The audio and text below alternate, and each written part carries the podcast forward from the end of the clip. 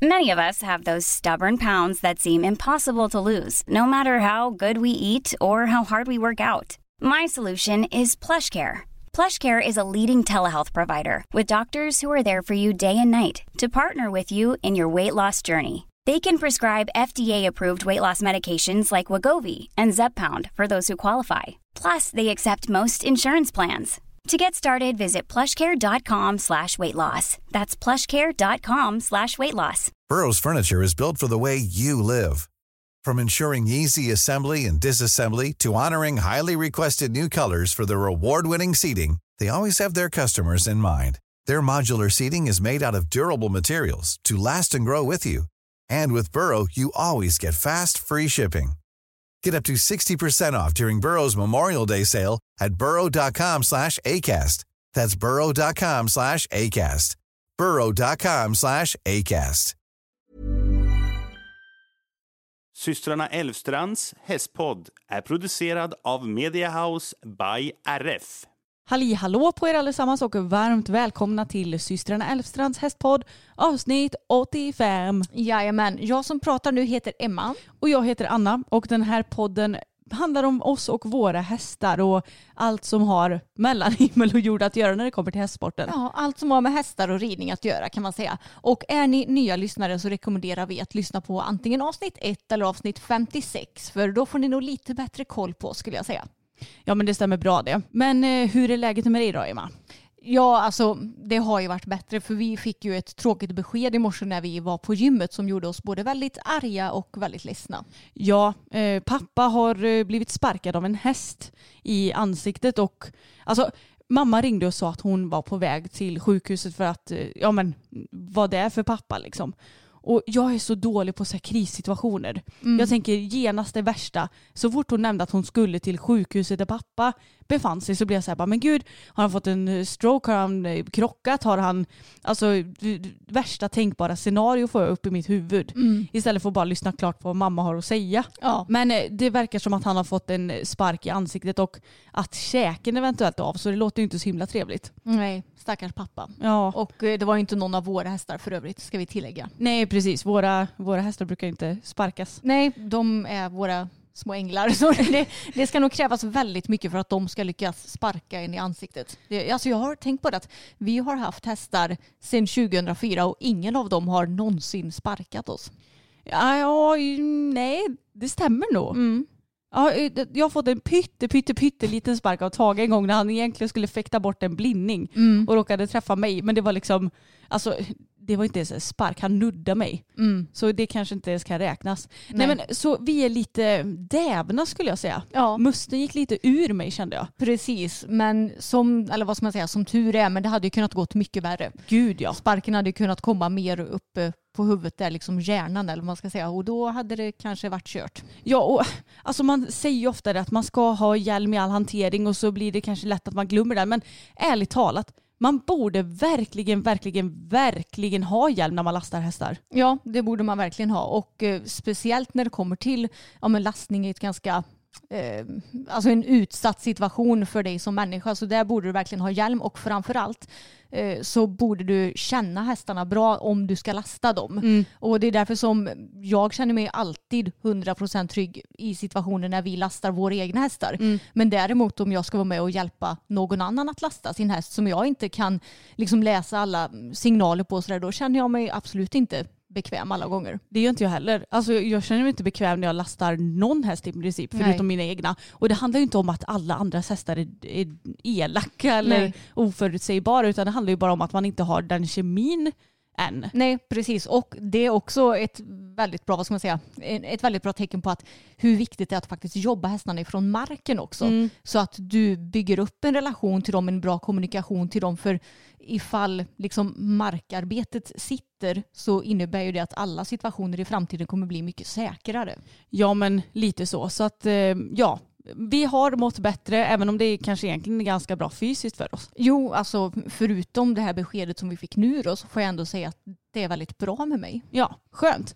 Jag har lite ont i ländryggen. Mm. Så jag har fått lite tips av dig som ju är ländryggsproffs numera efter ditt diskbråck. Ja men alltså jag är proffs på alla ryggproblem som finns nu känns det som. Med tanke på att jag först hade jättemycket problem med min bröstrygg och sen har ju det blivit ländryggsproblem istället efter Ja. att jag fick mitt diskbråck. Men ett tips från mig då det är ju att när, om du har ont i ländryggen, ja, spana in Yoga with Adrians yo- Yoga for lower back pain för där visar hon den här stretchen. Men det är att stretcha ut höftböjaren. Och den muskeln, alltså den går nästan kan man säga från typ ljumsken framsida lår och sen sträcker den sig bak mot ländryggen och många gånger när du får ont i ländryggen så kan det bero på att den är för tajt. Men alltså går den liksom från höften och så ljumsken och så bak stjärten och så? Eller? Nej, åt andra hållet Åt andra hållet, ja.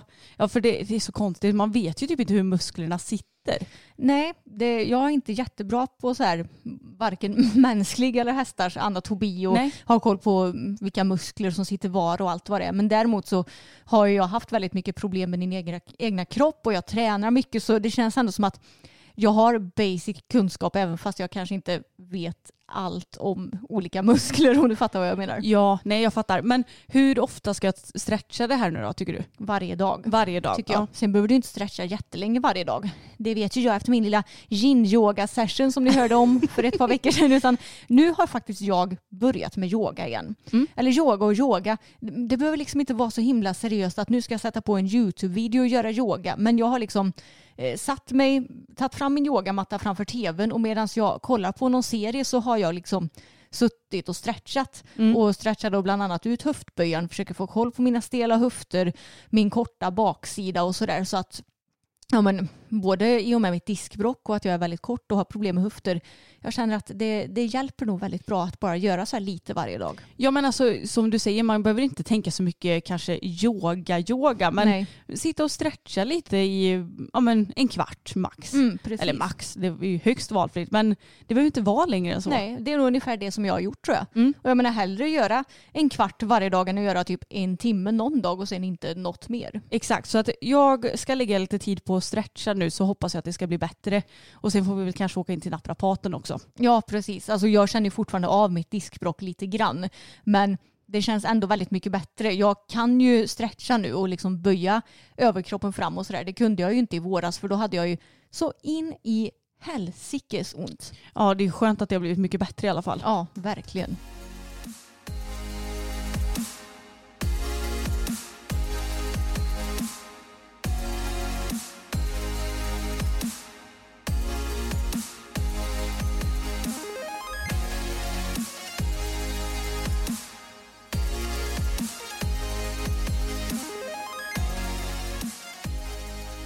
Men okej, nu har vi ju uppdaterat lite om oss. Ska vi uppdatera lite om våra kära hästar också? Ja, men det kan vi göra. Ska vi ta och börja med lille Tage? Det kan vi göra. Ni som lyssnar på podden och följer oss på YouTube för den delen. Ni vet ju att lilla Tage han blev halt. För typ två veckor sedan blir det ju nu nästan. Ja, jag tror det. Och eh, den här gången så visade det sig att pappa, han hade ju rätt. det var en hovböld. Ja, det är så lustigt att han äntligen fick rätt nu pappa. Mm. Nej men vi märkte ju det för att han hade lite puls i hoven och sen så svullnade ena ballen upp på honom. Ja. För ni vet, i, eller hästens hov, den är ju liksom som en stor nagel kan man ju säga. Och sen så där hoven blir till själva benet, där har de ju kronranden och sen i bak på själva hoven så sitter ballarna. Det är ju som två små kuddar kan man nästan Mm. säga. Eller ja, det är väl inte kuddar men ni förstår vad jag Det menar ser tror jag. typ ut som det i alla fall. Exakt, och den ena sån var väldigt svullen.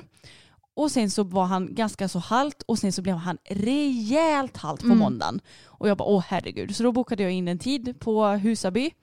Och sen så kom vår hovslagare dagen efter och då sa jag till honom att ja, men kan du inte kolla om det är en hovböld? Mm. Men då visade det sig att den redan hade kommit ut. För vissa hovbölder kan man ju behöva gräva i hästens sula, alltså under hoven för att få ut dem. Och vissa hovbölder kan komma upp istället ja, men i kronranden eller i ballen som det blev i det här fallet. Mm. Och det var också därför han var så svullen där. Ja. Så skönt nog så har det kommit ut men det tar ju också lite tid för det att verkligen läka ihop så att han är fortfarande pytte pytte pytte lite halt. Mm. Men det ska nog ge sig bara de två kommande dagarna tror det jag. hoppas jag. Men eh, så vår hovslagare hade inte grävt någonting i hoven på honom eller? Jo han hade grävt pytte lite bara för att se så att det inte var något mer kvar. Ja okej. Men eh, det var det ju inte så att Nej. det hade han ju inte behövt göra men samtidigt så är det ju bättre att Det är bättre att kolla upp det liksom. Ja. ja. och för er som inte har koll på vad en hovböld är så kan man ju säga att det är som en finne i hoven. ja En exakt. varböld. Ja, en varvuld i hoven och eh, det som kännetecknar det, det kan vara att hästen blir liksom mer och mer halt. Mm. Så den kan gå från att vara lite knackig till att bli jättehalt inom väldigt kort tid. Och eh, om hästarna blir det så tycker jag oftast att det är ett väldigt gott tecken på att det faktiskt är en hovböld. Mm. Och hovböld är egentligen en väldigt lindrig skada. Det försvinner ju som sagt när den här bulden har fått komma ut. Men eh, ibland så kan det ju bli jobbigare hovbölder också som kräver operation till exempel. Ja, för de kan sitta väldigt djupt och inte riktigt, ja men det vet man ju om man har haft någon finne någon gång. Mm. Ibland så försvinner de ju av sig självt, men ibland så, ja men man har ju sett så här klipp på Dr. Pimple Popper, ja men som behöver liksom operera ut dem verkligen Ja. för att de ska försvinna på riktigt. Mm. Och det är väl lite så med hovböld också, ibland så sitter de lite dumt till. Ja. Men eh, nej, det verkar som att det blir bättre och bättre med Tage. Ja, han är ju en väldigt känslig herre. Det har vi ju pratat om många gånger tidigare. Så jag tror att han kommer nog vara fit for fight snart igen. Och skönt att det bara var en hovböld. Väldigt, väldigt skönt. Men vi får se lite om han hinner repa sig för nu till helgen som kommer så är nationella spelen i dressyr som vi har pratat om och som han var med i förra året. Och vi vill gärna att han ska repa sig till dess för att han sköter sig väldigt bra med många olika ryttare Mm. och ska gå med två stycken ryttare till helgen är tänkt. Men hinner han inte bli frisk till det så är det ju såklart som det är. Precis, han är ju egentligen fullt igång så det, han skulle ju lätt kunna gå bara han hinner bli ja, men 100% bra innan dess helt enkelt. Ja. Men de andra två hästarna då, de har ju varit väldigt fina det senaste skulle jag säga. Ja men jag håller verkligen med. Ska jag börja och snacka om fokus eller? Ja men det kan du göra. Ja, vi var ju faktiskt och tävlade igår. Ja, Igen tänkte jag säga. Det har blivit en del tävlingar det senaste. han behöver rutin den lille killen. Han behöver ju det. Och vi var ute på en lätt A3 i Skara och vi var där med vårat division 3, nej 2 menar jag, Mm. lag. Och ja men jag gör ju som vanligt. Jag försöker bara att rida så bra jag kan så hoppas man att det ska bli bra res- resultat liksom. Men eh, alltså han var väldigt, väldigt, väldigt spicy på framridningen. Mm. Han var sådär, jag fick göra 3000 övergångar i alla möjliga olika gångarter. Både från skritt till halt och trav till skritt och halt och galopp till trav. Alltså mycket, att det skulle hända mycket. För han var lite sådär, om jag la på skänken pyttelite för mycket i hans tycke så blev han lite såhär tjurig. Och sen så var han superpigg och sprang på. Och jag var okej nu får vi se om det här är bra eller dåligt att han är spicy. Ja. Men eh, sen så när jag hade ridit fram en stund så blev han jättefin. Och jag måste bara berätta en så himla gullig grej. Mm. När vi var på framridningen och jag hade egentligen inte hunnit rida fram sådär jättemycket utan jag hade mest skrittat sådär. Och så var det en häst som skulle in på banan för att ridhusen ligger ja, men ganska så nära varandra men man behöver ändå gå ut från ena ridhuset, skritta två meter typ Mm. till nästa ridhus. Och eh, då var det en häst som vägrade gå ut från ridhuset. Den var väl skrämd för någonting, tyckte att trycket var jobbigt eller någonting. Och ryttaren försökte och försökte och hästen bara vägrade gå ut från ridhuset. Och då så frågade jag, vill du så kan jag ju prova att gå före så kanske din häst följer med min häst. Mm. Ja om du har lust med det får du gärna prova sa hon. Och då så fick Fokus skritta före ut och sen så skulle de försöka gå in i ridhuset då, där tävlingen var.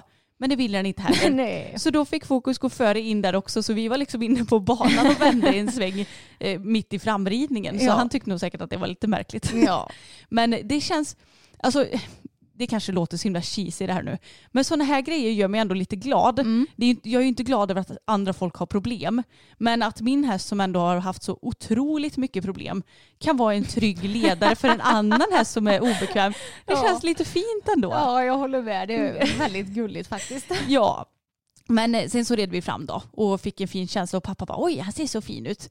Eh, För pappa var med mig istället för dig. Mm. Och så red vi in på banan och han blev lite, lite skrämd för domarbordet för de satt nere i ridhuset med en fin duk och grejer och så var fotograf på plats och det var lite att titta på helt enkelt. Ja. Och så var det solkatter i ridhuset men de sket han fullständigt i så det var ju ändå bra.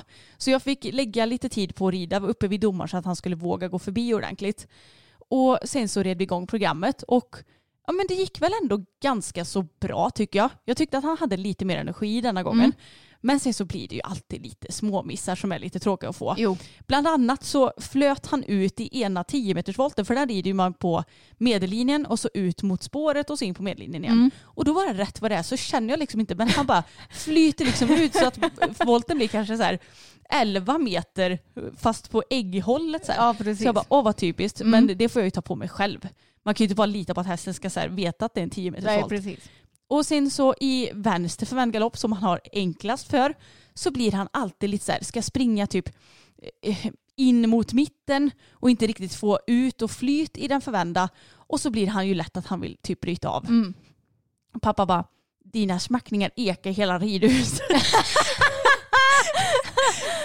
Jag- bara, det skiter jag i för han måste lära sig att han ska hålla den här förbannade förvända galoppen. Nu undrar jag om domaren kommenterade att du smackade. Eh, jag tror inte att hon hade skrivit det. Jag har inte riktigt läst igenom hela Nej. protokollet än. För det känns som att det är lite så här 50-50. Vissa domare kommenterar typ smacka är och andra inte. Men det är också en grej förut som jag inte förstår mig på med dressyren. Varför får man inte smacka på hästen och använda rösthjälper? Jag tycker också det är konstigt. Alltså, jag hade köpt om någon hade suttit hela programmet och bara Jo. det hade ju varit jättekonstigt. Mm. Men att man inte får använda någon rösthjälp typ så här tre gånger kanske. Ja. Eller så där. Som ett spö tänker jag på Ja, hoppning. Exakt, och jag menar vissa använder sig av rösthjälpen när de tränar in typ så här passage och piaff och allt vad det Mm. nu är. Det är väl jättetrevligt att använda sig av rösthjälper istället för, eh, ja jag vet inte, andra hjälper. Alltså det måste ju vara väldigt trevligt för hästen tänker jag. Så jag tycker det är otroligt ologiskt att det ska ses som något negativt på tävling att använda rösthjälper. Jag håller med. Jag använder ju mycket rösthjälper när jag tränar själv och Mm. det är kanske är någonting som jag borde vänja mig av vid eftersom man egentligen inte får smacka eller prata så mycket med hästen. Men Mm. samtidigt så är det så här, ja, ju- just nu skiter jag i vilket. Alltså, vill de ge mig minus två för att jag smackar, då får de väl göra det då. För Mm. att jag tänker att vi tränar ju fortfarande för att vi ska bli bättre inför framtiden. Ja. Lite så. Men nej, så vi, vi lyckades så inte bryta av, men Mm. det var nära. Ja, Och sen så kom vi till skritten och jag kände bara, eller ja det var i och för sig innan galoppen, Ja. men jag kände bara gud vilken härlig skritt han har. Han har verkligen skrittat på ordentligt framåt. Ja men då får vi ju lite travinslag. ja det är klart. Han rann iväg lite långt. Jag bara damn it. Mm. Och överlag så, ja, vi, vi landade på 64,1 ungefär Mm. tror jag. Och eh, det var jag ändå helt okej nöjd med liksom, med tanke på programmet. Men det roliga var också pappa efteråt så här, för han fick ju se hela poängradan innan Mm. jag hade hämtat protokollet. Han bara, ja det är mycket 6,5 men det är snart en sjua vet du. Jag bara, fast det handlar ju liksom om att så här, hela programmet är typ 6,5. Ja. Då måste ju allt Allting blir förbättras. bättre. Ja. Och det är det som är lite, jag sa det till pappa att alltså jag är både nöjd med ritten men jag är också lite frustrerad. Jo. För det känns som att vi står och stampar i samma pöl. Mm, jag förstår det. Men, men alltså grejen med fokus är att han är ju en lite alltså, långsam häst. Han, jag tror att hans utveckling går nog ganska långsamt för att han ska vara bekväm. Jo. Och jag menar han har ju, eh, när du började tävla honom fick du typ så här 55% i lätt B. Så jag menar du har ju höjt det med typ 10% eh, om man ska se det så från när du började tävla. Ja, och jag vet ju också så här att när jag har ridit dåliga program så har vi ändå skrapat ihop 62 procent. Så jag ska inte vara missnöjd och det är jag inte. Men jag tror att alla ni som håller på med hästar förstår vad jag menar. Att det är lite frustrerande man, man vill ju ta sig vidare liksom. Jo, men också så tänker jag att ja, för bara så här något år sedan när ni tävlade så kunde han ju bli helt, eh, alltså stäng, stängd av helt och hållet, var så jäkla spänd att han inte ens ville gå ner till domaren typ och tittade på exakt allting. Nu är han väl fortfarande lite spänd och att det är därför som ni får de här småmissarna och kanske ligger på 6,5 i snitt istället för 7 i snitt. Men jag menar, han är fortfarande mycket, mycket mer påverkbar nu än vad han bara var för något år sedan. Ja, och något som jag också tycker är kul det är att vi får ju alltid fina kommentarer från domarna i princip. Och att det är att ja, men han behöver bli mer avspänd för att visa upp den elasticiteten han egentligen besitter. Och ja, att poängen kommer komma mer då liksom. Precis. Så jag har ju faktiskt eh, gjort något väldigt spontant nu och efteranmält mig till en tävling på lördag. Ja. Vilket kommer bli ganska så stressigt också för att vi anordnar ju en tävling själva i med nationella spelen i helgen också. Precis, både lördag och söndag. Alltså, ja, vi har lite tagit oss vatten över huvudet men du sa bara, eller jag frågade dig om du hade någon mer tävling inplanerad innan Falköping den 23 och då sa du nej. Och jag menar vi ska ju ha tävling på ridklubben även om ett par veckor blir det väl? Ja. Så då kan du inte tävla då heller. Jag bara, men Anna, på, på lördag så börjar ju inte våra tävlingar förrän ett, eller invigningen börjar vid ett. Då hinner du åka till Essunga på förmiddagen och tävla. Ja men alltså jag känner lite att vi måste få rutin. Mm. Alltså både för min del så att jag verkligen kan rida 100% inne på banan. För även om jag tycker att jag rider mycket, mycket bättre och påverkar mycket mer nu på banan än vad jag gjorde för bara kanske något år sedan Mm. så måste vi ändå fortsätta att träna på att tävla. Liksom. Och för fokus del att han får vänja sig vid att ja, men domare är inte farliga, inte hästtransporter där domare sitter i och bokstäver och allt vad det nu är. Men det känns ändå som att staket och bokstäver börjar han bli safe med. Ja. Så det känns ändå skönt. Mm. Men eh, nej, så vi ska nog rida av förhoppningsvis en lätt A3. Jag har ju varit lite krånglig också. Mm. För först så anmälde jag mig till en lätt B1 för att jag var jag kommer inte hinna något annat. Mm. Men sen så visade det sig att lätt A började nog ännu tidigare än lätt B. Ja, precis. Så jag hoppas att jag ska få plats i det. Annars så får det bli en lätt B. Mm, Men eh, det, nå- någon klass ska vi starta på lördag i alla fall. Ja, exakt. Och jag menar, jag sa det att det spelar ingen roll vilken klass du rider på lördag. Huvudsaken är bara att ni får komma ut och träna. Ja exakt och egentligen så var jag så här att ja, men i värsta fall får jag ta lätt scen för den börjar ju först Klockan på dagen. Mm. Mm. Men den var full så jag kan ju inte byta till en full klass. Nej. Eh, För jag är lite så här, jag vill ju upp på Medelsvår C och tanken är att jag ska göra det i november. Mm. För jag tänker att det är de sista tävlingarna jag kommer att starta antagligen. Mm. Och då är det väl lika bra att kasta sig ut i något nytt så har, vet man vad man ska träna på under vinterträningen. Liksom. Precis. Eh, Men då, då sa jag till mig, det kanske är jättekonstigt om jag går ner och startar en lätt C och så kommer jag starta medelsvår C om två månader.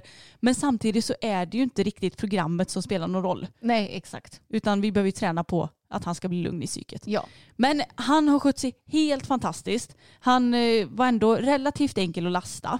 Det tog inte en timme liksom. Nej. Och han är ju alltid fantastisk att köra. Och sen så, alltså han har stått som en ängel hela dagen igår. Mm, och det kunde han inte heller göra förut. Nej, Så det är också en framgång som han har gjort som också visar på att han blir mer och mer avspänd i de situationerna. verkligen. Och det är så skönt för mig för att då behöver inte jag känna någon stress vid att jag måste åka hem så fort som möjligt när vi har startat i princip. Mm. Utan han, han står och käkar lite hö eller så står han och chillar eller så står han och tittar ut genom dörren lite grann. Och, alltså inga problem och det känns Nej. så oerhört skönt för det är en stress att ha en häst som inte riktigt kan stå på transporten. Mm, ja, det är det verkligen. Och det har ju aldrig jag haft någon sån häst tror jag. Det är bara fokus av våra hästar som har haft det problemet. Men nu verkar ju det som att det peppar peppar är löst. Ja i alla fall för tillfället. I alla fall för tillfället ja. Men ska du inte tävla någon hoppning med fokus i år då?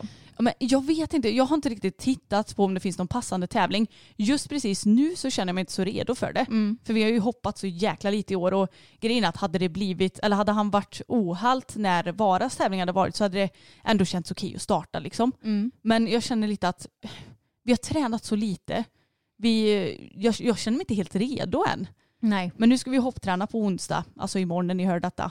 Så det kan hända att vi känner oss lite mer varma i kläderna då. Men vi får se om det finns någon passande tävling helt enkelt. Ja, du satsar kanske lite mer på dressyren just nu i alla fall. Ja, jag känner det. För att jag, jag känner också att alltså, hoppningen har ju ändå funkat väldigt bra de få gångerna Mm. vi har startat. Och där känns det som att han, alltså han är ju hopphäst. Mm. Så det känns som att hans psyke lite mer är gjort för hoppning. Och då Ja. känner jag att den biten kanske vi inte behöver träna så mycket på av den anledningen. Nej. Utan dressyren är ju det som han bromsar upp mest i. Mm. Så ja, så är tankarna just nu i alla fall. Men sen kan jag ju ändra mig lika fort som vinden. Precis, jag tror att ifall du skulle ut och hopptävla, nu har han ju inte tävlat hoppning på ett år. Nej. Så även om han inte har gjort det så tror jag absolut inte att det skulle vara några problem. Nej. För som sagt det känns mycket mer naturligt för honom. Och han har ju varit jätteduktig på de hopptävlingarna ni har varit ute på. Ja, alltså han har ju varit helt fantastisk. Mm. Så att, eh, jag tror inte att det är några problem. Men jag känner nog lite också att jag kommer nog vilja gå ut i typ någon 80 centimeters runda Ja, igen. För att vi har ju som sagt inte varit ute på ett år. Det är Nej. helt sjukt. det förstår jag. Men eh, Bella då? Sist ut och eh, störst. Sist ut och störst ja. Nej men hon har varit så fin det senaste. Hon blir bara bättre och bättre. Jajamän, Alltså så är det. Om vi hade skaffat någon merch Ja. då borde vi ju på riktigt typ trycka det. Hon blir bara bättre och bättre. Japp. Nej men på riktigt så blir hon ju det. Alltså jag tycker hon blir roligare att rida för varje vecka.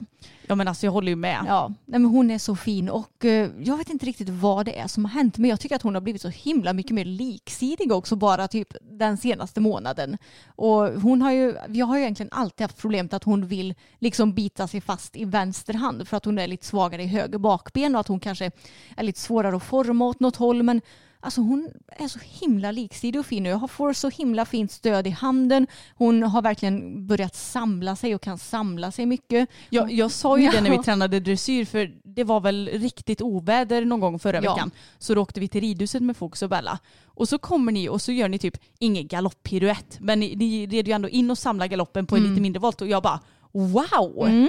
Alltså hon satte sig och man såg verkligen hur de sviktade bakbenen och kom upp ordentligt i fronten. Ja. Jag bara, är det här Bella som springer runt här? Ja, hon må se ut som en stor, lite knubbig köttbulle men hon kan sina grejer hon där hästen. Det kan hon. Ja men alltså det är så kul för även om hon är så stor och tung så är hon ju absolut inte tungriden och rida och liksom stor och rida utan hon är så fin och så härlig och jag är så glad att jag får till den här bra kontakten nu för hon kan ju vara lite sån att hon vill släppa kontakten eh, och bli väldigt, hon är väldigt, väldigt känslig. Så ja, men det känns så himla bra. Hon är så fint framme för skänken. Bra bjudning samtidigt som hon inte drar iväg heller tycker jag. Nej för förut så var hon ju ganska dundrig. Ja, Det är hon ju inte längre. Nej, hon är mycket mindre dundrig nu och börjar som sagt bli väldigt fint framme för skänken. Gör alltså alla rörelser bra och hon är så rolig. Och eh, någonting som jag har börjat bli lite bättre på också det är att variera formen under själva ridpassen. Mm. För annars kan jag bli lite sån att ja, men jag värmer upp i en lite mer vad ska man säga, friare form. Och sen när hon har kommit igång, ja men då kortar jag liksom tyglarna och rider henne lite högre och kortare i formen. Och sen att jag kanske travar av i lite längre och lägre form. Men eftersom hon har lite problem att hon kan bli lite, vad ska man säga, styv i nacken och bli lite stel i liksom själva överlinjen. Då sa ju Charlotta, att- eller då pratade jag med Charlotta och sa att jag kanske ska börja att variera formen lite mer under passen också. Så nu har jag gjort att till exempel när jag har galopperat så har jag liksom suttit och samlat henne och nästan tränat lite på arbetspiruetter för att sen länga tygen och bara låta henne galoppera på lite framåt i lite lång och låg och sen har jag liksom kortat tygen igen. Mm. Och det känns som att den här ridningen passar henne väldigt bra. Ja men vad kul. Det är så roligt när man hittar detaljer som passar ens häst. Mm, verkligen och nej, hon känns så himla mjuk och fin och nu blir jag ju bara ännu mer sugen på att dressyrtävla. Om jag då kan sitta ner i traven för jag har ju fortfarande inte testat dressyrsadel på henne. Men det ska du göra idag väl? Ja, idag ska jag göra det. När den är ledig. Precis. För jag ser ju det temat, det är ju faktiskt min sadel. Ja, Ja, Det nej, är ju men sant. herregud. Det, ja det är det ju. Men jag tänker att idag får du rida i den och på fredag så kan jag dessutom coacha dig lite för då har jag tänkt att fokus ska vila. Mm. Så då kan jag eh, coacha dig lite i dressyrsadeln. ja. Så eh, tränar vi på lite och jag menar det måste ju på något vis, även om jag förstår att du kanske helst hade velat tävla liksom nu, nu, nu för att hon är fin Mm. så kanske ändå känns skönt att det är en månad bort Jo. för din skull. jo, jag behöver nog den tiden tror jag. Eh, Alltså rent ridmässigt hade jag kunnat gå ut och tävla nu som sagt. Mm. Men det är ju det där med nedsittningen i traven som jag behöver träna på. Men Eh. du ska rida en lätt B1. Ja, väl? och det positiva med lätt B är att man får rida lätt i längdningarna i traven. Ja och att det typ är så två sekunder, sen är det skritt. Precis, så man behöver inte rida så himla långa travintervaller. Så det, jag gillar ju lätt B. Jag såg att det är lätt B 2019 och jag funderar på om jag har nog inte tävlat dressyr, alltså lätt B i dressyr förrän tidigare 2019. Så jag måste se om det är någon större förändring i programmet. Mm, alltså den senaste förändringen är väl bara att man får rida lätt i traven i längningarna. Ja det kanske det är. Annars så är det ju det här att man rider in halt och så snett igenom och så volt över, över Ja. ridbanan volt. Det kan du väl? Ja, ja. Jag, jag kan ju det programmet. Ja. Men jag tror också att de kanske har ändrat eh, alltså själva skritten, att det står typ bara längdformen eller något sånt Ja, där. ja, ja, vi får dubbelkolla det Ja, det får vi göra. Men eh, det ska bli väldigt kul i alla fall. Jag är riktigt peppad. Hon är fin och eh, nästa vecka ska vi hopptävla. Och det är också roligt för jag har ju typ inte hoppat henne någonting. jag Nej, hoppade och- henne som vi pratade om förra gången då, Mm. och testade så att det funkar. Ja, men alltså det är så kul också för du bara, vi har två hoppträningar kvar innan det blir tävling och jag Mm. bara, "V- nej. Men eh, ja, ja. Nej, så att vi ska hoppträna nu och så är det tävling nästa vecka. Precis, så jag kommer bara hinna med en hoppträning. Ja, och en träning hemma också kanske. Ja, precis. Om jag känner för det. Nej, så jag, jag tror ju att det kommer inte vara några bekymmer ändå. Hon är ju så pass okomplicerad och vi ska hoppa en meter vilket hon inte tycker är högt heller för den delen. Nej, och som jag sa, när jag tävlade 85 centimeter, trots att jag inte tävlat henne på så tre år och knappt hoppat henne så kändes ju det alltså löjligt lågt. Jo, jag vet. Nej, så jag är riktigt, eh, riktigt taggad på det och nu känner jag mig ändå så pass fräsch i kroppen och eh, eh jag hoppas att jag inte kommer känna mig så ringrostig heller nu när jag ska träna och hoppa lite mer banhoppning. Men jag tror inte det. det. Jag känner mig ändå ganska så självsäker just nu i ridningen tror jag. Ja, jag känner mig nog mer osäker just i hoppningen än vad du gör just nu. Mm, kanske. För, ja, inte för att jag åkte av fokus sist, det är ju inte det som gjort mig osäker, men jag känner att han, han är lite skum i hoppningen just nu. Mm. Och det är säkert för att vi inte har hoppat så mycket. Säkert. Så det, ja, men det ska bli intressant att se hur det går på onsdag. Mm. Jag ska försöka gå in med en bra och eh, positiv inställning så hjälper nog det, det mesta. Ja, det låter bra. Nej men eh, alltså tipptopp nu med båda hästarna och en en rolig grej som vi gjorde det var ju förra veckan när vi tränade mentalt för vår tränare Anna. Mm. Och då började vi ju att träna på marken som vi brukar göra. Och sen när vi var klara med det så skulle vi hoppa upp och rida för första gången. Och eh, då hoppade vi upp och så red vi bara med repgrimma och själva repet. Och sen även med pinnen som vi brukar ha för att eh, ja, men, vad ska man säga, lägga tryck på olika ställen så att hästarna ska förflytta sig efter den. Och det var väldigt spännande för det var ju ett sätt som jag aldrig har ridit på förut. Och inte du heller va? Nej men jag måste säga att du var ju asbra på det ju. ja, men jag, jag har ju en väldigt okomplicerad häst eh, och hon funkar ju väldigt bra att jobba på marken nu. Jo. Så jag tror att alltså, funkar det på marken då funkar det också uppsuttet mm. som vi har pratat om så många gånger tidigare. Men i alla fall eftersom jag red då och bara höll liksom det här ganska tunga repet i ena handen och pinnen i andra handen.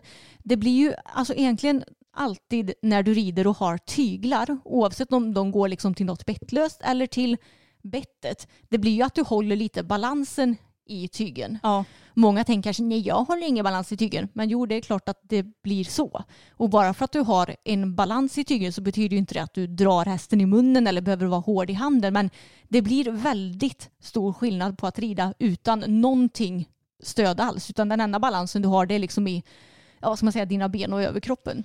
Exakt, det, det, kände jag också väldigt mycket att man har ju verkligen balansen, kanske inte så mycket i själva tygen som du säger, men Nej. i att man sitter som man gör med händerna. Precis, och får liksom lite stöd framifrån ja. ändå. Exakt, så det var jätte, jättenyttigt för att vi travade också lite så här mm. och satt ner i traven och det var väldigt nyttigt att känna så här nu kan jag inte hålla någon sorts balans i tygen utan nu måste jag lita på min egen kropp och lita på fokus eller mm. Bella i ditt fall. Precis, och när vi skulle ja, men styra hästarna så styrde vi dem bara med, alltså vad ska man säga, att ge tryck från repet på halsen eller med pinnen liksom där vi ville att hästen skulle flytta sig. Och det var väldigt intressant för då insåg jag hur mycket den här träningen på marken har hjälpt. För det var faktiskt inte så svårt som jag trodde att det skulle vara. Det, det var lite svårare för mig att fokus. Mm. För han tycker att tryck från manken och framåt är ganska jobbigt. Mm. Så han var lite sådär att han stretade mot pinnen först. När jag, alltså, då lägger man den Ja, men tänker att man har som en liten, liten hammare, en mjuk hammare mm. och så bara duttar så här i takt så att de ska förstå att ah, just det, nu ska jag böja halsen ditåt. Mm. Och då blir han lite sådär att han, han, typ skruvade på huvudet och bara vad håller du på med ja. konstiga människa? Och sen så när han förstod så bara ah, jag fattar. Mm, precis. Men jag är så stolt över honom för att Ja, men det som vi har svårt är ju sånt som ni har väldigt enkelt för. Mm. Typ som att gå skänkelvikning över block. Ja. Det, är, alltså, det går inte på honom just Nej. nu. Och det är någonting som vi håller på att träna på för jag tror att det kommer säkert hjälpa oss ännu lite till i hoppningen sen. Ja. Att han inte har några problem att ha saker under magen. Mm. Men vi lyckades ju gå igenom, vi hade ju satt upp två stycken hinderstöd med två pinnar mm. rätt upp så här. Och så hade jag satt ett, en pinne, vad säger man, vågrätt. Ja. Och så hade jag hängt en massa plastband på det. Så att det var ju som en tunnel fast väldigt smal tunnel då, mm. med plastband. Och han hade inga problem att gå igenom dem varken från marken eller med mig uppsuttet. Nej, så duktig. Och om ni vill förstå lite mer vad vi pratar om så har jag lagt ut lite klipp på min Instagram mm. som heter Emma Elfstrand där jag även visar när jag går sideways kallas det för, mm. över block. Och eh, alltså, det är också tror jag anledningen till att Bella är så himla smidig trots sin storlek är ju för att vi har jobbat väldigt mycket med just sideways och annat ifrån marken. Hon är ju supersmidig att vända och sådär. Och det, som sagt, det kanske man inte kan tro när man ser henne, men hon är hon är ju egentligen mycket smidigare än vad Fokus är till exempel. Ja men Fokus är ju en smidig häst men han har ju lite svårt för koordinationen bara. Mm. Och ibland så är det så här, oj jag har väldigt många ben typ. Så att eh, jag tror att han behöver få lite koll på koordinationen och jag också för den delen såklart. Ja, precis. Nej, men det var en väldigt rolig träning och eh, någonting som jag har tränat på mycket på marken det är att eh, säga att jag står på Bellas vänstersida och sen lägger jag över pinnen på hennes högersida och sen så ska hon liksom så börjar jag vad ska man säga fladdra lite med pinnen på mm. den sidan och att hon då ska flytta sig mot mig för liksom trycket ifrån pinnen och sen ger jag en eftergift när hon har flyttat sig för det trycket. Och det har funkat jätte, jättebra ifrån marken. Men sen skulle jag ju prova att ställa mig på uppsittningspallen och liksom försöka baxa in till henne på det sättet. Men bara för att jag alltså står på en pall och att det blir någonting annorlunda i den situationen så blev det hela mycket, mycket svårare. Och det är konstigt hur man kan ändra på små detaljer och så blir hästarna bara så här, vad menar du? Ja, precis. Men också om jag får in lite rutin och träna på det så kommer hon ju förstå det lika snabbt, alltså snart igen. Ja. Och det gick ju ändå bra men det var ju mycket svårare när vi gör det på marken när det liksom sitter som vad ska man säga, rinnande vatten nästan. Ja, nej men så är det ju. Nej men det är ju så himla intressant att träna från marken och vi måste verkligen slå ett slag för vår fantastiska tränare Anna. Mm. Ifall ni är sugna på att prova att träna, antingen kan man göra det via ja, men typ Skype eller något annat online eh, tjofräs mm. med videosamtal. Eller om man vill göra det i verkligheten. Hon mm. befinner sig i Vårgårda och eh, kan då åka ut till folk i Västergötland mm. så kan ni jättegärna ta kontakt med henne på Frisian Dream Team och jag kan skriva hennes Instagram i beskrivningen för mm. alltså hon är så himla bra. Utan henne så hade vi ju inte kommit eh, en tiondel så långt som vi kommit idag känns det som. Nej, utan henne så hade nog fortfarande inte fokus hoppat. Nej, garanterat inte kan jag säga. För jag hade inte haft den kunskapen själv.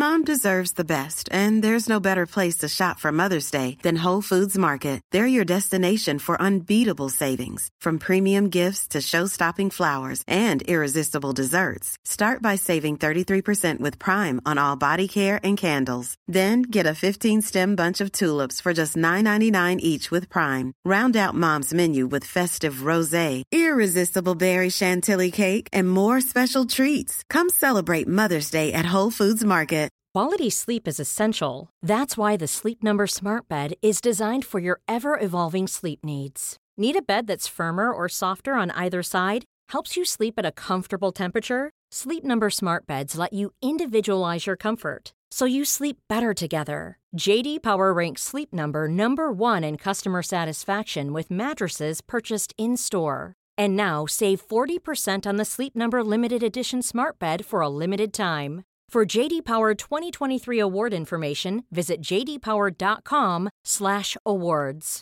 Only at Sleep Number stores or sleepnumber.com. Men jag tänkte att jag ska komma med ett litet tips som jag har lagt till mig med det senaste. Och det är ju så här, alltså eftersom fokus har varit en väldigt spänd häst och bitvis är det fortfarande så har jag inte riktigt vågat rida honom på långa tyglar. Och det är ju egentligen inte något positivt alls med det. För att alltså, visst att vi alltid nästan skrittar fram för hand, men man vill ju kanske gärna att hästen ska få slappa lite mitt i passet på långa tyglar. Eller så vill man bara ha lite längre tyger när man skrittar ut till exempel innan man har korta tygen och ska börja trava när man rider ut och så vidare. Men då har jag ett litet tips för er som, ja men egentligen för alla. Och det är att hålla i sig när man sitter och skrittar på långa tyglar. Mm. Det kanske låter lite fjantigt men antingen så kan man ju ha ett handtag som man fäster i de här öglorna där man kan sätta fast eh, förbygel till exempel. Mm. Men eh, jag har eh, tagit bort mina från min sadel för de, de hängde i typ små snören så jag tyckte de var störiga. Ja. Så jag sitter bara och håller mig i ja, men antingen i schabraket eller i framvalvet på sadeln. Mm. Och det tycker jag känns så skönt för att då kan jag ja, men jag kan ha lång tygel men ändå känna mig trygg med att skulle han kasta sig så håller jag mig i någonting. Precis. Har du behövt vad ska man säga, utnyttja det här tipset någon gång? Nej, inte än. Nej. Och det känns också skönt för att då kan fokus få skritta på långa tyglar. Och Alltså han är ganska dålig på det ärligt talat. Mm. För när vi skrittar, eller nu ska jag inte komma och säga att min häst är dålig, men andra hästar brukar vara vana vid att ja, men jag ska skritta fram längs fyrkanten och så följer staketet som en, en slickad katt. Ja. Så är ju Tage i alla fall. Mm. Men Fokus han är så här, skrittar ett tag och sen så bara ska jag svänga, nej ska jag fortsätta häråt och så tycker han ju alltid att nedre delen av paddocken är lite läskig så då vill han gärna svänga Jo. av tidigare. Precis. Tidigare, det var svårt att säga det ordet. Nej, så det är också bra träning att man får verkligen sitta på lång tygel och att han ska lyssna på min sits och att man inte håller på och drar så mycket i tygen hela tiden. Nej. Så eh, ett hett tips, håll i er när ni skrittar på långa tyglar. Mm. För säkerhets skull. Verkligen ett bra tips. Ni som följer oss på Instagram och ser våra stories kanske har sett att jag och Anna har inom stationstecken rageat loss lite där nu den senaste tiden. Och det har ju med tecken på hästar att göra. Och vi har ju tagit upp det här i podden tidigare att nu under den här perioden så är det väldigt många som övertäckar sina hästar så att hästarna går och blir överhettade. Och nu har det ju verkligen hänt igen kan man säga. Ja men alltså i helgen så har det ju nästan varit den sista urkramningen av sommaren. Mm, alltså det har varit typ 20 grader. Ja, igår var det så otroligt varmt och skönt. Så eh, alltså man hade lätt kunnat gå i t-shirt. Ja, igår var det, ja, det måste ha varit över 20 grader igår. Det var temperaturen i bilen i alla fall Mm. när jag skulle köra iväg lite senare på eh, eftermiddagen tror jag. Men då hade jag ju ridit både Bella och Tage under dagen och jag hade på mig ja, men en sån Ullaredströja som vi har. En svart eh, tunt ribbstickad Ullaredströja. Mm. Långärmad. Och alltså jag blev så varm så jag fick panik. Jag skulle ha på mig t-shirt för att det var så jäkla varmt. Och samma dag när jag liksom kör förbi ett inackorderingsstall så går liksom majoriteten av hästarna ut i hagen med regntecken på sig. Ja, jag vet. Och jag åkte förbi eh, antagligen samma ställe. Och bara, jaha, det var dagen innan. Då var det ju Mm. bara 17 grader. Ja, precis. Nej men alltså jag kan bli lite trött på det för att många tänker nog att ja ja men det är bara ett ofodrat regntäcke. Mm. Det kan ju göra varken så mycket från eller till. Men alltså det gör det. Mm. Det är ju såklart inte samma sak. Det är ju som att vi skulle gå runt med en typ galonjacka. Mm. Det är klart som tusan att det blir varmt under den även Mm. fast den är jätte jätte jättetunn. Och det finns ju en mätning på Hipson är det va? Mm. Där, de, där det är en kvinna som har mätt temperaturen under hästars tecken. Mm. Och jag vet att du delade den på vår Instagram va? Mm, det gjorde jag. Och då var det dessutom mycket kallare ute än vad det är nu. Mycket Mm. blåsigare ute. Det var inte ens soligt ute. Det ska tilläggas att det har varit strålande solsken hela helgen. Mm. Så det har inte varit så här heller att ah, jag kom till stallet i morse och det såg lite lurigt ut. Så jag la på hästen tecken. Det Mm. har inte varit någon sån situation utan det har varit strålande sol hela helgen. Eh, men ja, den här undersökningen visar ju på att det blir väldigt varmt under hästarnas täcke. Även om du bara har ett vad ska man säga, skaltäcke. Mm, exakt. Och jag kan köpa så här, för det har ju ändå varit lite kallare på nätterna nu. Absolut att man kan ha ett täcke på natten, det säger jag ingenting om.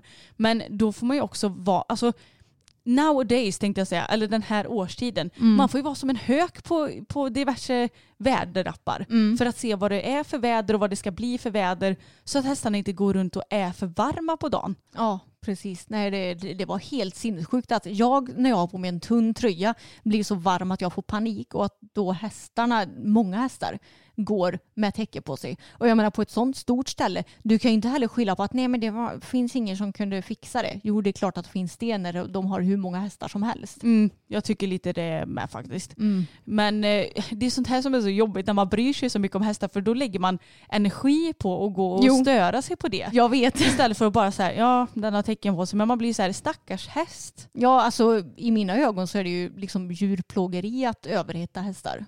Ja i alla fall under en längre period såklart. exakt. Nej så att eh, jag blir, lite, jag blir lite ledsen när jag ser sånt här. Mm, jag med. Och jag tänkte på det också att nu har det ju varit som sagt runt 20 grader i helgen. Och bara för att det är slutet på september så tänker man att nej men det är höst, då ska hästarna ha tecken på sig. Men om det hade varit lika varmt på sommaren då tror jag inte att de här hästarna hade gått med tecken. Nej det tror verkligen inte jag heller. Så att eh, man får ju tänka lite på vad det är för grader och inte att det är höst nu eller vilken månad vi är i. Nej, exakt. Alltså herregud, vi har ju haft våra hästar näck, även om de har varit klippta ibland, i februari. Om det har varit strålande sol några timmar mitt på dagen. Så att jag menar, man får hålla väldigt mycket koll. Och vi har ju självklart ett privilegie att vi ofta är hemma och kan fixa tecken. Och om vädret ser lite lurigt ut så kan vi vara så här, ja vi får vara lite så standby med att springa ut och ta på dem tecken. Självklart, men jag, jag tycker att någon borde ju ha förutsättningen stallet att kunna lösa tecken Jo, vid behov. Liksom. precis. Det tycker jag med. Det hade varit det allra bästa i alla fall. Mm. Nej, så återigen vill vi väl bara uppmana alla till att inte övertäcka sina hästar helt enkelt. Nej, och hålla lite extra koll nu för det är ju svårare nu när det är lite kallare på morgnarna och blir, ja men som det har varit i helgen, ganska så rejält varmt på Ja. dagen. Precis, och som vi har sagt tidigare så tror jag också det är mycket, mycket vanligare att man har för mycket tecken än för lite tecken på sina hästar. Ja, och självklart finns det frusnästa som vi har sagt tre miljoner gånger nu. Men eh, jag tror inte att någon fryser när det är 20 plusgrader ute. Nej, det vore väldigt konstigt om inte ens vi människor gör det som har mycket, mycket tunnare hud än hästar och är Ingen mycket, päls. Nej, och är mycket, mycket sämre på att anpassa sig till alltså, yttertemperaturen. Ja, alltså jag hade ju inte kunnat sätta mig med en eh, skål, eh, vad vet jag, spaghetti och bara oj men nu är jag varm och skön. Det kan ju hästarna göra, Mm. fast med hö då. Vi var ju på Ullared för en vecka sedan Mm. idag och jag tycker ju alltid att det är lika härligt. Jag älskar ju Ullared och vi har inte varit där på, vad är det nu? Ett Nästan. och ett halvt år? Ja, vi var där januari 2020 precis innan pandemin slog till. Det stämmer bra det. Mm. Så det var väldigt, väldigt länge sedan och vi brukar ju alltid, ja men dels så köper man ju saker man behöver. Vi köpte på oss bland annat lite regnkläder till stallet och Mm. lite vinterjackor och grejer. Men också så köpte vi ju mycket så här tandkräm, eh, ibland köper man lite schampo och balsam och tvålar och ja men ni fattar, förbrukningsvaror helt enkelt. Ja, och är det någonting jag är bra på så är det att köpa på mig förbrukningsvaror. Det kan vi ju konstatera. Jo tack, för Mm. jag fick ju ett litet eh, städryck. Det får ju jag med jämna mellanrum och av någon anledning är det mycket roligt att städa hemma hos andra. Alltså jag skulle nog inte vilja städa hemma hos vem som helst. Men det Nej. är kul att städa hos dig. Du kanske inte hade velat ha det som jobb, eller? Nej det tror jag inte. Men att det kan vara lite kul ibland. Ja, för jag älskar ju att organisera. Ja, och jag bryr mig inte om sånt där utan jag lever ju hellre i ett, eh, ja, jag kallar det för ett organiserat kaos för jag har ju stenkoll på vart allt finns. Men i dina ögon så ser ju inte mitt hus så himla bra ut. Nej kanske. det är organiserat kaos skulle jag inte säga utan jag tar bort organiserat framför kaoset. Nej, så jag fick ett ryck när vi hade varit på Ullared och bara Emma snälla får jag organisera och städa ditt badrum? Ja. Och du bara "Eh, ja. Så att jag skulle få plats med alla mina nya grejer. Ja, för jag kände bara, du är ju så dålig på att ta tag i sånt också. Jo jag vet och det ska tilläggas att jag hade typ så här två YouTube-filmer som jag var tvungen att redigera. Ja. Så då satt jag och grejade med det medans du då städade mitt hus.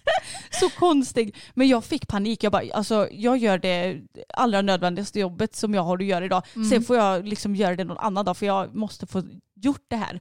Nej, så jag började att rensa ut. Grejen att du har ju inte så mycket ställen att ställa det på. Eller? Det är ett högskåp och så är det din så här, vad säger man, under eh, handfatet. Mm, precis. Så jag rensade ur dem och så sa jag det till Emma. För grejen var att vår favoritinpackning fanns ju inte att köpa på Ullared Mm. den här gången. Så då fick man ju stryka det från listan ändå. Och jag bara, Emma sa du att du hade skrivit upp att du skulle köpa inpackning på Ullared? Och du bara, ja. Jag bara, alltså du har på riktigt sju stycken inpackningar. Sju! Sieben! Som jag, som jag har köpt på Ullared tidigare år. Alltså det är så kul. Jag undrar ju hur många köpte du i januari 2020 om du har sju stycken kvar nu? Sju inpackning, hur många balsam hade jag kvar? Ja, det var också typ så här fem eller någonting. Ja det är ju helt Och du bara, jag behöver köpa balsam. Och det ska tilläggas att de är ju typ i så här en, en liters förpackningar eller något Mm. sånt där. Ja, men jag hade koll på att jag ändå hade några kvar så jag hade bara skrivit, in, jag hade skrivit inte så många. Så hade du kommit hem med sju stycken till så hade jag fått ställa i 14 inpackningar. Nej, Ja. Så nu är ditt badrum top notch. Mm, men vi måste ju också berätta om den lilla incidenten som skedde. Ja det var så typiskt. Alltså, jag städade Emmas badrum från topp till tå. Det vill säga jag stod med svinto i Emmas dusch bland annat. För att jag bara, den här är ju typ en sanitär obelägenhet nästan. Alltså folk måste ju tro att jag har världens sämsta hygien när de lyssnar på det här. Det är inget fel på min hygien, jag Nej. luktar gott. Så, så är det. Men, men grejen är att alltså, i duschen så fastnar det ofta mycket så här tvålrester och skit som blir äckligt till slut. Jo. Så det var sånt jag tog bort. Inte Emmas hår och sånt där. Men i alla fall, då när jag skulle bara göra det absolut sista. Jag bad Emma att lyfta upp Siris kattlåda som står inne i hörnet. För att jag skulle torka av den lite under till. För att jag tänkte att nu ska jag vara noggrann här och damma av den lite grann. Ja, vad händer då? Jo, den typ lossnar i så här fästena. Landar på badrumsgolvet med en krasch. Spricker och det hamnar kattsand överallt när jag har svabbat golvet. Ja, och då hade du hållit på att städa till typ så här två timmar eller något minst. Det räcker nog inte ens. Jag var ju Tre. där hela kvällen och Ja. städade typ. Nej, så då låg det kattsand över hela golvet. Och eh, min kära katt, hon är ju så lat så hon är inne större delen av dygnet. Och hon använder ju sin låda ibland då. Eh, varje dag. Ja. så då var vi tvungna att eh, snabbt som attan höra av oss till mamma för det var ju typ så här eh, en halvtimme innan så här affärerna stängde. Mm. Siris låda har gått sönder, kan du åka in och köpa en ny? Hon bara, "Ah, jag står och lagar mat men ja, jag får väl fixa det. Jag bara, tack. För jag bara, jag kan inte åka in. Alltså jag hade ju typ blivit en sanitär obelägenhet efter att ha stått och städat Ebas dusch. Nej jag skojar. Men jag, jag kände bara att jag, jag kan inte åka in för jag måste duscha. Nej, så då fick hon lösa det och sen när jag hade fått gjort det Ja, då gick ju dammsugarskaftet av också. så då blev jag ännu argare. Du kan inte ens dammsuga upp de här, Nej. ursäkta mig, men jävla kattsandkornen. Så då fick jag sopa upp dem med en liten sopkvast istället. Mm. Men nu i alla fall så har Siri fått en ny låda. Anna har lyckats till slut städat av hela mitt badrum så nu är det så fint där nere och det är så fin ordning i skåpen. Ja men då måste jag ju fråga du som tycker att du har ett organiserat kaos normaltvis. Tycker du att det är bättre eller sämre nu? Eh, alltså lite sämre för jag, ställena, eller grejerna står liksom inte där, jag är van vid att de ska stå så jag är fortfarande lite förvirrad.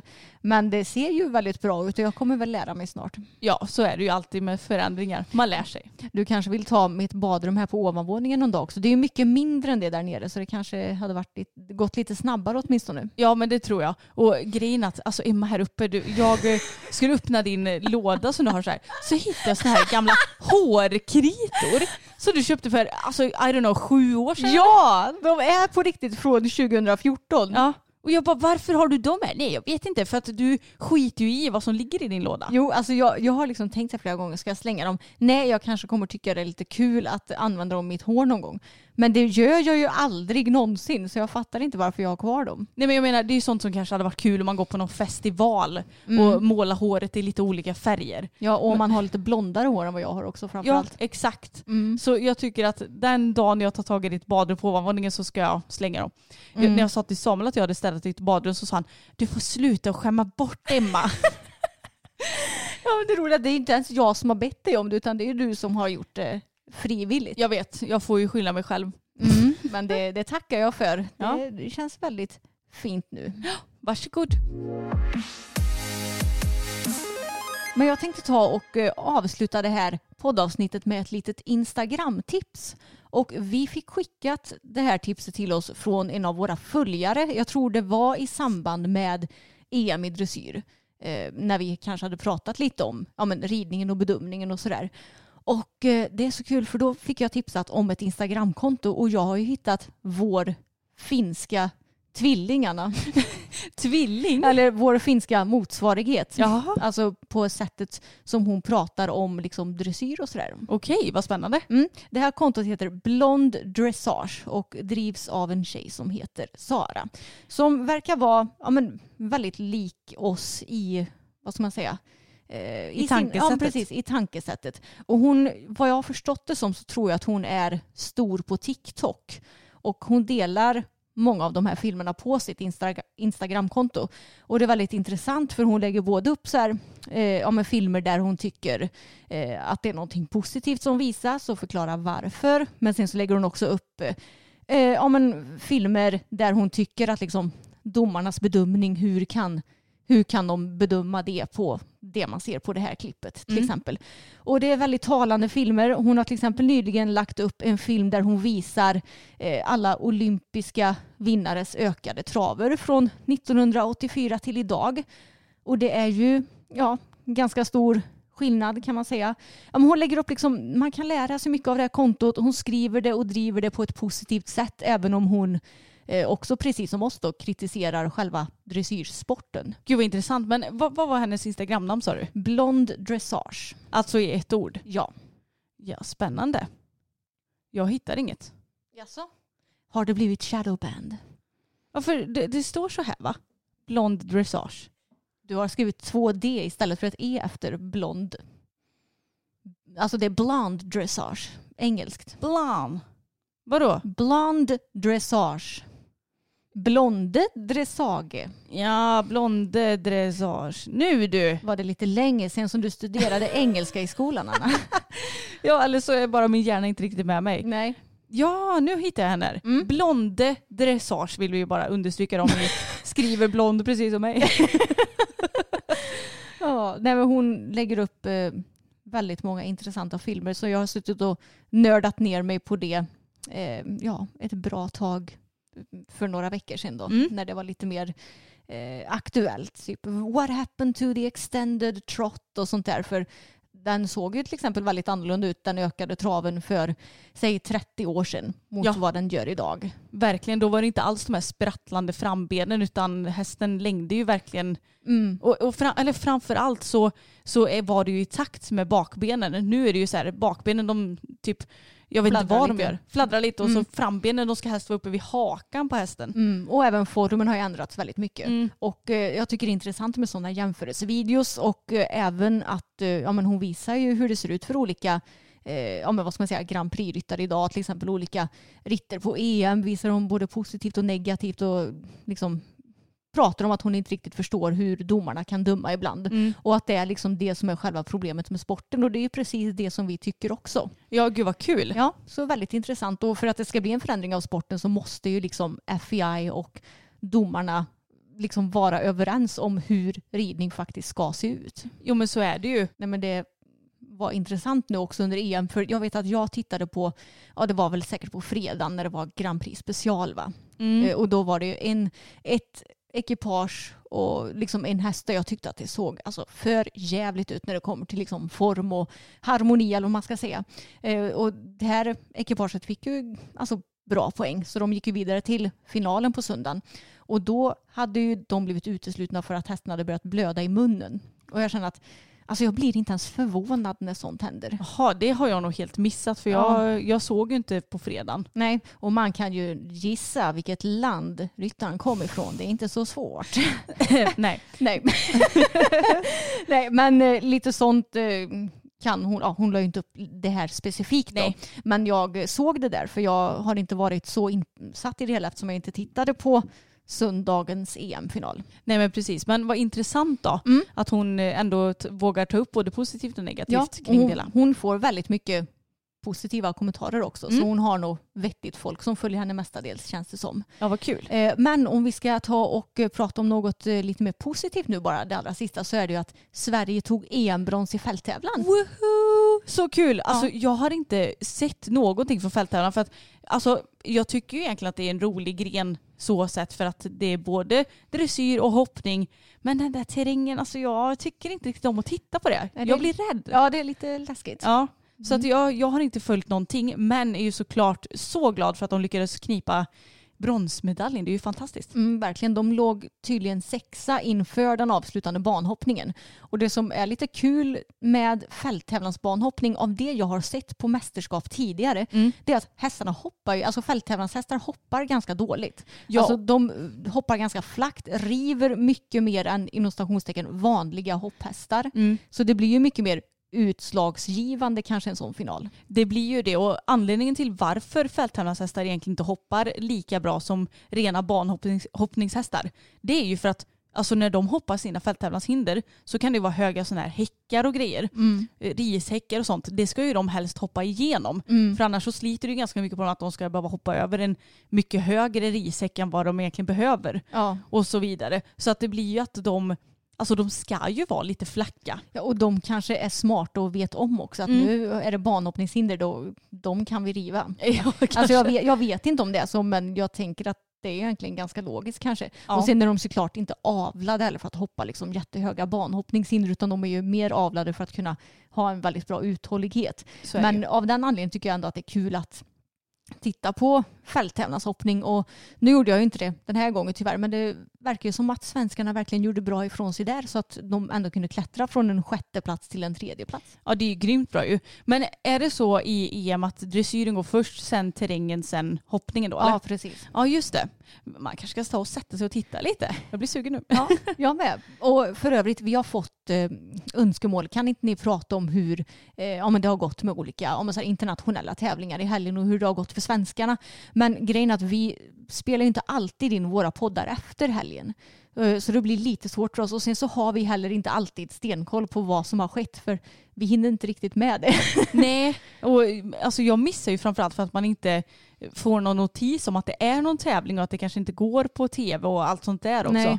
Men jag vet ju i alla fall att eh, Peder Fredriksson och Christian Kay blev placerade i Grand Prix-hoppning någonstans i världen i Mm. helgen. Flera kom tvåa igår tror jag. Ja. Steffi och Sparven har vunnit.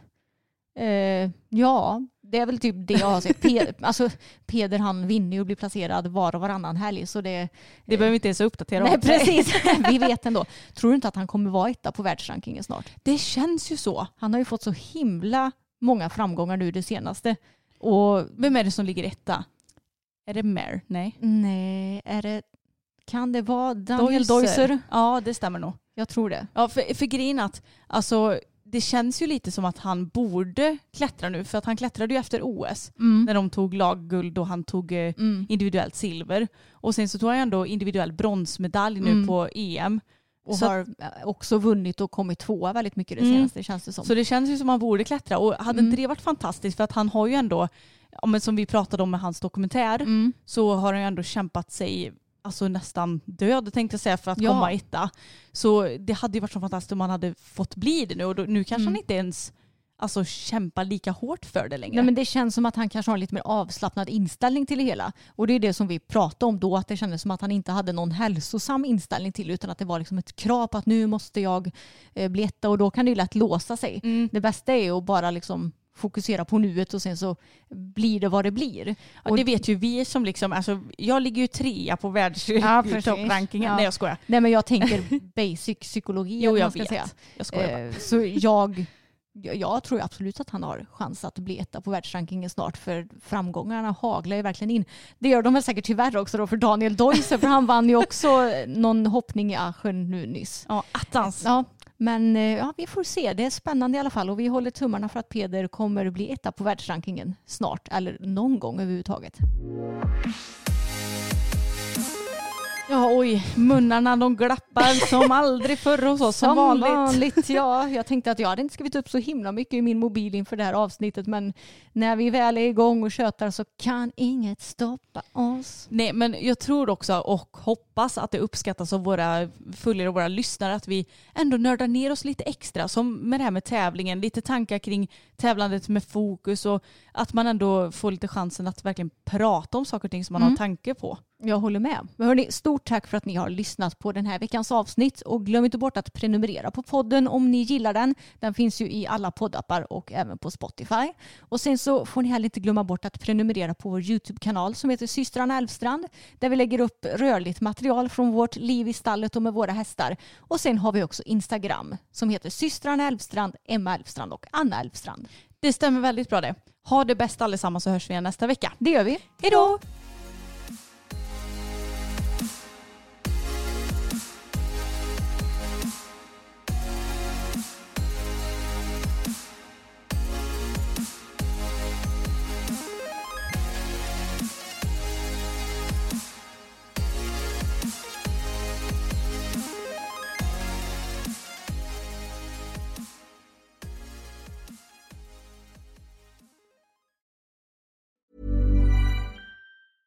Cool fact a crocodile can't stick out its tongue. Also, you can get health insurance for a month or just under a year in some states. United Healthcare short term insurance plans, underwritten by Golden Rule Insurance Company, offer flexible, budget friendly coverage for you. Learn more at uh1.com. Hey, it's Paige DeSorbo from Giggly Squad. High quality fashion without the price tag. Say hello to Quince. I'm snagging high-end essentials like cozy cashmere sweaters, sleek leather jackets, fine jewelry, and so much more. With Quince being 50 to 80% less than similar brands. And they partner with factories that prioritize safe, ethical, and responsible manufacturing. I love that. Luxury quality within reach. Go to quince.com slash style to get free shipping and 365 day returns on your next order. Quince.com slash style.